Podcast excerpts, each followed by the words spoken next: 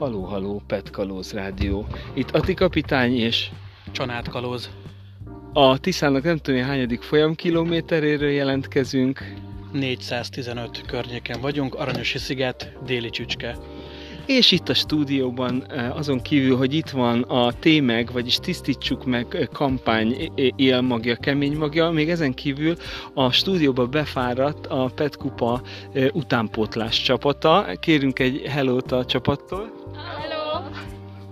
És igyekszik a stúdióba eh, Viki és Kristóf, de valószínűleg dugóba kerültek, mert ők még nem értek ide, tehát egy ilyen szörfdeszkán egyensúlyoznak a sárban, de már felénk jönnek.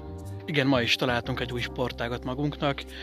Először egy surf deszkát emeltünk ki valahonnan, gyerekméret, de arra jó, hogy pallóként szolgáljon, és korlátként pedig kötél, kifeszített kötél, és így próbálunk be evickélni a Iszap-tengeren a hajóra a partról valahogy. Igen, ezt más hajóknál egy ilyen pallóval oldják meg, de e, mi ezt is kitaláltuk, hogy hogy lehet tiszai szemétből megcsinálni, úgy, hogy, hogy, hogy veszélyesebb, meg izgalmasabb legyen. A, a, mi csak egy napra jöttünk, ugye tekintettel vírushelyzet, most is másfél méterre beszélünk egymástól szigorúan, e, de a, a csanádék itt vannak már jó pár napja.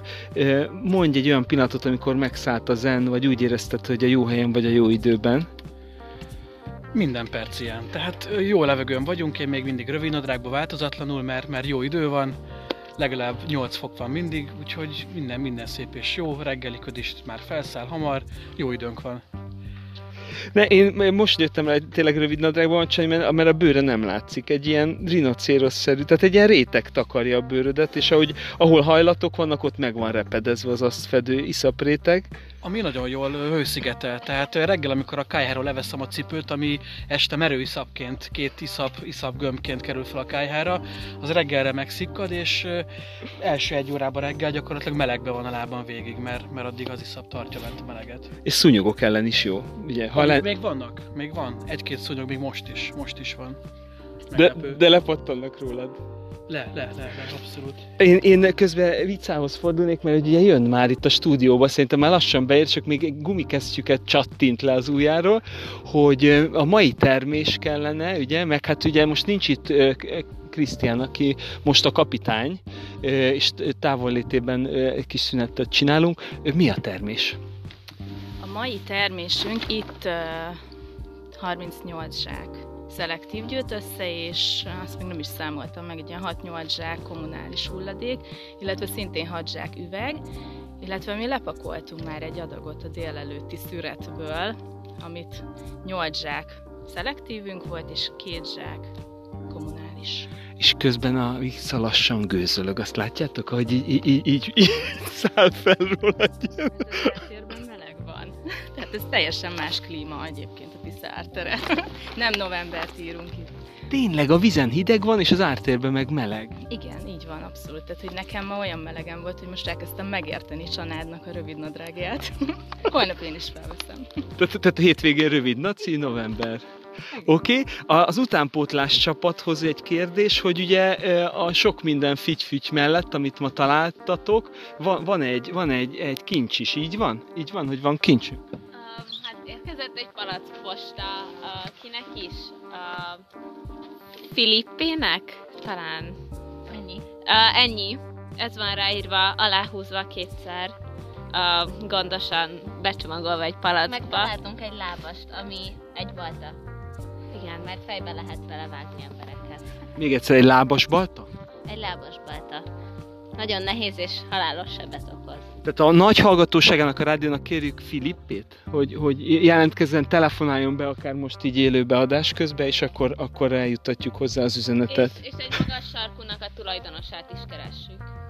Én meg ma találtam egy kölnit, amiben még volt valamennyi kölni. Tegnap, kész, tegnap kézkrémet találtunk, és most szerdán az első pár papucs is megkerült. Talán még nem volt ilyen a petkupák történetében, hogy egy pár papucs méretben, színben egy párt alkotó két papucsot találtunk. Itt állt meg az agyam, tehát ez vége, akkor, és nem volt a közelben egy ilyen, egy ilyen lassan fehéredő, szikkadó csontváz, nem? Nem, nem, azt nem láttuk, nem. nem. Ez egy, ez egy rejtély. akkor, akkor ezen most gondolkodunk itt a ködös Tisza fölött, hogy mi lehetett ez a két papucs. Mivel én nem vagyok abban a, a szerencsés vagy kiváltságos helyzetben, hogy, hogy gyakorlatilag folyamatosan takarítok a bo- Bodrogi kupa óta, a Bodrogi Pet kupa óta, de, de hogyha úgy nézzük folyamkilométerben, azt történt, hogy elindultunk szeptemberben patakról, és ha úgy nézzük, Csani, te kb. azóta csorogsz, hol Párdi Bence, hol Krisz, hol más önkéntesek, és hol a mosolygózsák zónáján jössz át, hol a köti területére. Tehát egy, már, már itt gondolkozó bejelentkezésen, ide költözésen? Még nem, de hát ahogy, ahogy hallom, most lesznek fejlesztések, úgyhogy a hajónalvás megoldott lesz elvileg a logikán, hogyha minden igaz. Én ezt várom izgalommal, hogy ez hogy fog működni. Arról is mindenképpen tudósítunk. Van-e még bárkinek üzenete a, a, a Petkalóz Rádió kb. kettő és fél hallgatójához, ö, így hirtelen? Ha nincs, akkor annyit üzenünk csak, hogy, ö, hogy péntek 13. 2020, és tiszta tiszát karácsonyra. Hogy ez mit jelent, ez hamarosan kiderül. Ati kapitány kijelentkezik, a Petkalóz rádió adásának vége, vissza a 16-os csatornára. Goodbye. Cső.